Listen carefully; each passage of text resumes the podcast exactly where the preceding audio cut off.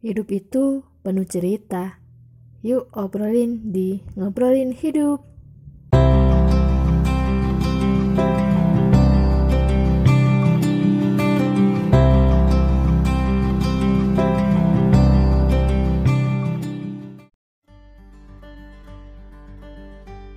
Assalamualaikum warahmatullahi wabarakatuh. Welcome to our podcast. Podcast pertama kami. Yeay. eh bentar deh. Ada pepatah mengatakan bahwa tak kenal maka tak aruf. Kenalin, aku Faris. Dan aku Reski. Hari ini kita mau ngobrolin apa nih Ki? Nah, jadi kita mau ngobrolin tentang salah satu dari sekian banyak keresahan mahasiswa yang katanya sih mayoritas adalah perantau. Bener banget, suka ngerasa nggak sih kalau mahasiswa itu beda banget sama waktu kita sekolah? Iya sih, aku ngerasa banget kali itu mah. Nah, salah satunya nih, kita kan jatuh dari, jauh dari orang tua, di mana nggak ada lagi yang ngontrol kita, terus nggak ada lagi yang ngetin kita. Di situ kita harus bisa manage diri kita sendiri. Yang paling bahaya nih, kita punya kebebasan buat milih lingkungan yang gimana yang mau kita ikutin. Apakah lingkungan yang kerjanya cuma nongkrong, apakah lingkungan yang kerjaannya rapat, ataukah lingkungan yang bisa bikin kita tergerak untuk berbuat baik. Nah, lingkungan ini tuh uh, lingkungan yang insya Allah pengen kita ikutin. Wah menarik tuh. Emang sih itu yang aku rasain dulu. Rada takut jauh dari orang tua, tapi nggak boleh manja biar makin dewasa ya kan? Iya, mantap ya. oh ya, kali ini kita bakal ngobrol bareng sama salah satu tamu spesial nih. Monggo Mbak langsung perkenalan diri aja. Ya, Bismillahirrahmanirrahim. Sebelumnya perkenalkan nama saya Farha. Di sini saya uh, temennya Reski dan juga Faris yang insya Allah akan membersamai teman-teman. Kita ngobrol asik mengenai seputar kehidupan, terutama kehidupan kampus. Ya, jadi beliau adalah Mbak Farha. Mbak Farha itu alumni mahasiswa statistika Undip yang insya Allah banyak paham mengenai apa yang mau kita obrolin hari ini. Sebelumnya aku mau sedikit cerita mengenai keresahanku sebagai mahasiswa perantau. Jadi uh, kuliah ini pertama kalinya aku merantau dan jauh dari orang tua. Dulu dari TK, SD, SMP, SMA di Pemalang. Jadi habis sekolah pasti pulang langsung ke rumah. Tuh. Kalau nggak langsung pulang berarti rapat dan rapat pun kayak nggak boleh sampai malam. E, kalau minggu palingan kalau weekend kalau nggak ada apa-apa pasti di rumah doang dan ya kalau ada kerkom kerkom pun nggak mungkin sampai malam. Jadi kayak e, apa ya lingkungannya tuh enak gitulah. Sedangkan pas kuliah ini jauh dari orang tua kalau mau curhat ya cuma bisa via telepon gak bisa kayak ketemu langsung pokoknya kayak rasanya beda banget jadi kayak dulu pas aku udah milih buat kuliah aku punya apa ya kayak nge-trigger diriku sendiri sih aku kuliah berarti harus menemukan lingkungan yang baik gitu udah nemu belum tuh lingkungan baik Alhamdulillah sih, dah. Udah ya, Insya Allah. ya.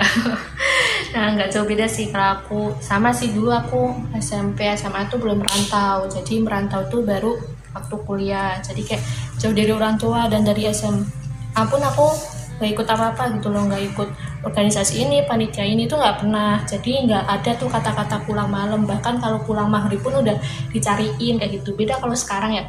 Kalau kuliah mah beda ya jadi kayak misal ada kegiatan apa pulangnya bisa sampai larut malam nah terus dulu waktu SMA waktu mau kuliah tuh aku mikir gimana caranya biar aku tuh nggak terlalu bebas kayak gitu soalnya kan udah nggak ada orang tua jadi kayak dari awal aku udah uh, berjanji pada diri sendiri kayak gitu untuk mencari lingkungan yang baik gitu. Sama ya tujuannya.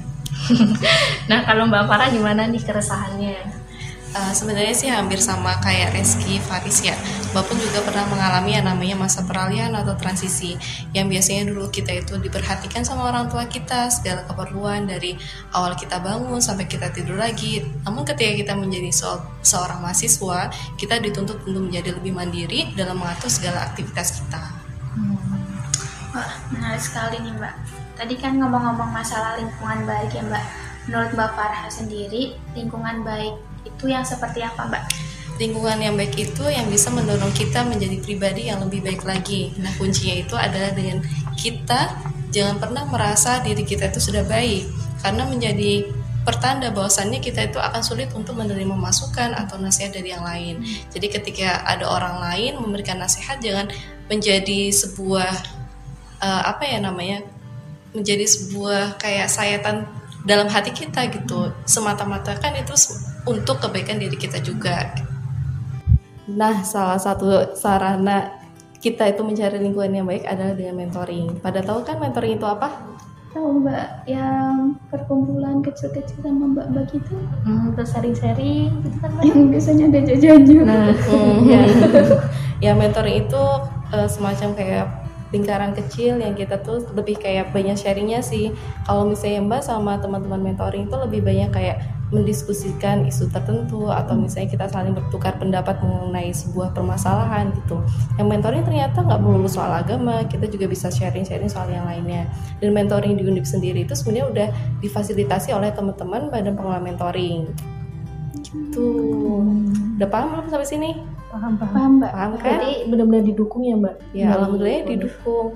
gitu. Apalagi kita kalau misalnya uh, per semester biasanya ada yang namanya silaturahim dengan dosen-dosen agama Islam di Undi gitu. Hmm. Kayak misalnya kita sharing soal permasalahan, soal materi yang disampaikan kepada uh, mahasiswa baru atau mahasiswa mahasiswa yang melanjutkan aktivitas mentoringnya gitu. Hmm. Alhamdulillah ya Mbak berarti. Berarti mentoring itu kan kayak nyambung ke penjagaan diri gitu ya Mbak. Sedangkan hmm. penjagaan diri itu kan gak hanya lewat mentoring. Kenapa harus mentoring Mbak? Kenapa pilih mentoring yeah. sebagai salah satu cara sarananya ya? Mm. Karena kalau misalnya mentoring itu kan ada sebuah fasilitas yang sudah disediakan dan kita mm. kayaknya kalau mentoring kan juga gratis kan? Mm. Pernah nggak yeah. kalian diminta buat bayar gitu? Nah, kan kalau misalnya nah, kalau mau mentoring harus bayar dulu ini biaya registrasinya dan yang lainnya. Tapi kalau misalnya sementara ini Mbak belum pernah menemukan yang demikian.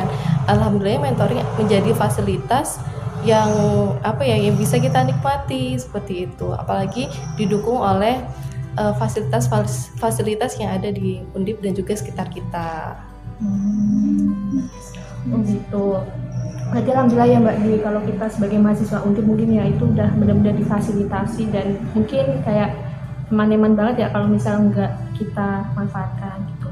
Nah terus aku kepo nih Mbak Mbak Farah tuh mentoring mulai kapan sih? Sekarang masih mentoring juga nggak? Oh sebenarnya mbak tuh udah mentoring dari SMP tapi itu dulu karena tuntutan dari kedua orang tua mbak sih karena yang dulu mbak tuh uh, inginnya dari orang tua mbak mendapatkan ilmu agama yang lebih baik karena mbak hmm. dulu tuh sekolah dari SD, SMP, SMA sampai kuliah itu di negeri yang notabene-nya mungkin tidak bisa mendapatkan ilmu agama yang lebih dalam gitu. Nah, seperti itu ceritanya. Sekarang masih mentoring ya, Mbak? Alhamdulillah masih. Jadi kalau Mbak sekarang kan domisilinya di Ungaran, hmm. Mbak masih lingko atau mentoringnya di Semarang. Jadi kalau misalnya weekend, biasanya Mbak menyempatkan diri ke Semarang gitu, hmm. untuk mendapatkan materi-materi soal ya seputar agama dan yang lain. Masya Allah ya Mbak.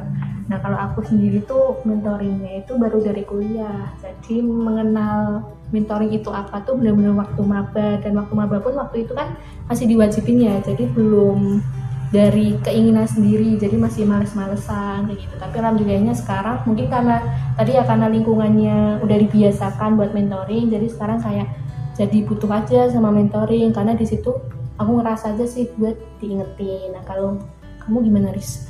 Sama sih. Aku juga baru mentoring pas kuliah. Kalau dulu pas SMA cuma adanya kayak pendampingan dari Mbak Mbak Rohis gitu kayak di kelas. Jatuhnya kayak alkias gitu tuh hmm. yang kajian. Pas yang laki-laki sholat Jumat yang perempuan nanti ada kayak gitu. Sharing-sharing juga sih cuma kayak kurang intensif gitu. Jadi kayak hmm. feelnya kurang dapet aja. Nah hmm. pas kuliah tuh ada mentoring kayak wah seneng juga ya. Kayak dapet teman-teman baru lingkungan kayak lingkaran kecil gitu. Dari situ ya kayak akhirnya satu dua kali satu dua tiga kali kayak jadi senang aja gitu. Bisa dapat ilmu juga bisa sharing kehidupan gitu. Tadi yang bersama ya. Nah Mbak Farha uh, seberapa mungkin sih mentoring itu? Dan kita itu mentoring waktu pas kuliah doang atau bisa seterusnya sampai lulus sampai kerja gitu Mbak? Hmm Jadi mentoring itu adalah se- sebuah cara ya, salah satu dari sekian banyaknya cara untuk kita itu menjaga diri kita gitu. Kalau mentoring biasanya kita bisa saling mengingatkan dalam hal kebaikan lewat lingkaran-lingkaran kecil. Banyak juga loh proyek-proyek kebaikan yang bisa kita mulai lewat mentoring. Misalnya nih, buat kuliah WhatsApp terkait isu tertentu atau misalnya mengenai eh, memberikan tips kesehatan yang bisa bermanfaat bagi orang-orang di sekitar kita gitu itu salah satu dari sekian banyaknya. Dan kalau bisa ketika nanti kalian lulus kuliah atau misalnya kalian sudah mulai bekerja dengan yang lain coba ditulis eh, coba diteruskan eh, rutinitasnya dalam hal mentoring. Bahkan ibu mbak yang notabene-nya sekarang itu menjadi ini ya pegawai negeri itu masih loh masih menyempatkan waktunya untuk mengikuti kegiatan mentoring atau liko gitu. Ya sih mbak mungkin ini pertanyaan beberapa orang kan mentoring itu dibimbing sama mbak-mbak yang mungkin sama-sama mahasiswa ya mbak biasanya Eh, yang mana mungkin belum sepenuhnya paham mengenai ilmu agama nah menurut mbak Farha gimana tuh mbak Eh, yang pertama, jangan pernah merasa diri kita itu sudah baik. Nasihat-nasihat yang disampaikan oleh mbak pementor kita, jika itu baik, coba untuk didengarkan dan diterima. Dan eh, dan mentoring gak melulu soal agama. Kita bisa sharing soal kuliah, berita, tips dan yang lainnya. Ya insya Allah, ketika kita itu meniatkannya untuk lillahi ta'ala, kita eh, berusaha juga untuk menaikkan kualitas ibadah kita dengan saling mengingatkan hal-hal yang baik kepada teman-teman kita. Terus menjadi pementor itu bukan sebuah perkara yang mudah karena mereka menjadi mereka yang menjadi pementor, mereka harus melalui berbagai macam bentuk tes, ujian gitu dan juga ada trainingnya. Jadi nggak sembarangan orang bisa menjadi seorang pementor. Iya mbak, berarti nggak usah resah ya mbak nanti takutnya sama mbak-mbak yang belum paham tersesat itu nggak usah resah ya mbak. ya kalau usah sesat dan insya Allah kan juga eh, dosen-dosen agama Islam di Undip juga ikut memperhatikan aktivitas mentoring di ya selama perkuliahan itu sendiri. Pastikan aman lah ya mbak. Insya Allah. Terus eh, ya tadi kan nyambung ke tadi sih kan Mbak katanya kan mentoring itu awalnya dulu karena disuruh orang tua. Mungkin karena mungkin ada keterpaksaan Eh, dikit kewajiban ya. gitu lah ya. Hmm. Terus kan sekarang jadi mungkin bisa dibilang sebuah keterbutuhan kali ya Mbak. Karena Ya. kan Mbak rela tuh dari Ungaran ke sini Semarang. cuma buat mentoring Hmm. gitu. Nah, eh, kenapa Mbak bisa menjadikan mentoring itu sebagai keterbutuhan? Eh, Mbak butuh mentoring karena butuh pengingat dari teman-teman sih buat curhat, buat minta pendapat yang bijak, materi-materi yang disampaikan selama Mbak mengikuti mentoring itu juga nggak apa ya nggak melulu sebuah hal yang berat gitu. Bahkan ketika Mbak berada dalam masa-masa yang galau ya itu menjadi pengingat tersendiri. Kayak misalnya Mbak lagi futur imannya lagi turun imannya atau lagi suntuk sama aktivitas terten- tertentu atau sedang dalam proses mencari jati diri itu sebagai pengingat tersendiri gitu untuk wah berarti saya harus kembali lagi untuk eh, meningkatkan lagi kualitas ibadah saya untuk memperbaiki lagi intensitas hubungannya dengan Allah dan kebaikan-kebaikan yang lainnya. Hmm, mantap Tadi kan kita udah kayak bahas mentoring, mentoring, mentoring ya mbak. Eh, selain mentoring nih mbak, penjagaan diri yang bisa kita lakuin itu melalui apa aja sih mbak? Hmm, sarana yang lain ya untuk Iya, penjagaan diri. benar. Nah, kalau misalnya sarana, sebenarnya kembali lagi pada diri kita sih. Ada orang-orang yang butuh eh, sarana itu secara langsung. Misalnya ya, dia harus memaksakan diri dia untuk menjemput hidayah gitu. Kayak misalnya mendatangi kajian, mendengarkan nasihat dari orang yang sudah paham mengenai agama dan hal-hal yang lainnya gitu yang terkait dengan permasalahannya. Kalian pernah mendengar nggak yang namanya tarbiyah zatiyah? Hmm, belum, belum, belum belum pernah ya. jadi tarbiyah zatiyah itu adalah semacam kayak sarana tarbiyah atau pembinaan yang diberikan seorang muslim pada dirinya sendiri untuk membentuk kepribadian Islam. Nah, kenapa sih sebenarnya kita tuh butuh yang namanya tarbiyah zatiyah? Tahu nggak kenapa? Apa Mbak? belum tahu ya. Ah, belum. Nah, kalau misalnya dalam sebuah ayat ya, Quran surat At-Tahrim ayat 6, Allah tuh mengingatkan orang beriman untuk menjaga diri dan keluarganya dari api neraka. Ini nunjukin bahwa Allah tuh sangat sayang sama kita, ya enggak? ya kan Allah Iya. tuh sudah memberikan reminder supaya kita itu menjaga diri kita sendiri gitu kalau misalnya bukan diri kita yang menjaga masa kita mau bergantung terhadap orang lain ya ya kan? Iya, benar. apalagi orang lain tuh memiliki urusan dan juga kepentingannya sendiri-sendiri gitu. Kalau misalnya bukan diri kita maka kita bergantung pada siapa lagi kalau eh, untuk menging- sekedar mengingatkan hal-hal atau masalah tertentu. Ya berarti banyak ini ya banyak jalan gitu ya untuk menjaga diri kita. ya nggak melulu tentang mentoring. Nah terakhir nih Mbak, bagi tips dong Mbak penjagaan diri apa yang bisa kita pegang selama di kuliah ini maupun nanti pas lulus dan uh, lebih ke gimana sih biar istiqomah gitu? Oh, sebenarnya istiqomah itu kan semacam kayak konsistensi ya. Dengan cara kita mulai deh membiasakan hal-hal yang baik dari sekarang. Misalnya kita masih bolong-bolong sholatnya atau misalnya menjalankan amalan sunnah tertentu, coba mulai dibiasakan dari sekarang. Kalau misalnya kita sudah mulai membiasakan diri, maka ketika kita lepas satu atau dua hari saja, kita akan merasakan yang namanya kehilangan, ya kan? Kayak misalnya, wah sebenarnya biasanya jam-jam segini aku sholat duha nih, tapi kalau misalnya kita tidak membiasakan dari sekarang, maka ketika kita kehilangan kesempatan untuk melakukan amalan sunnah, maka ketika sudah tidak berada dalam lingkungan yang baik, kita akan lepas begitu saja gitu. Gitu sih salah satu caranya itu tadi adalah dengan kita membiasakan hal-hal yang baik mulai dari sekarang, jangan menunggu kita uh, udah tua nanti baru tobat atau misalnya kita udah punya anak dan keluarga dan yang lainnya. Jangan kita menunda kebaikan-kebaikan meskipun itu hal yang kecil. Kayaknya umur nggak ada yang tahu ya Mbak. Iya, ada yang tahu kan? Ya. wah luar biasa ya lumayan sih ini memberi khususnya aku gitu pencerahan kita sendiri ya kalau mau jadi baik ya kayak gak usah nunggu nanti-nanti gitu. Oke, mungkin cukup sekian dulu podcast ngobrolin hidup kita kali ini. Jadi nambah semangat mentoring nggak nih? Ya harus saya.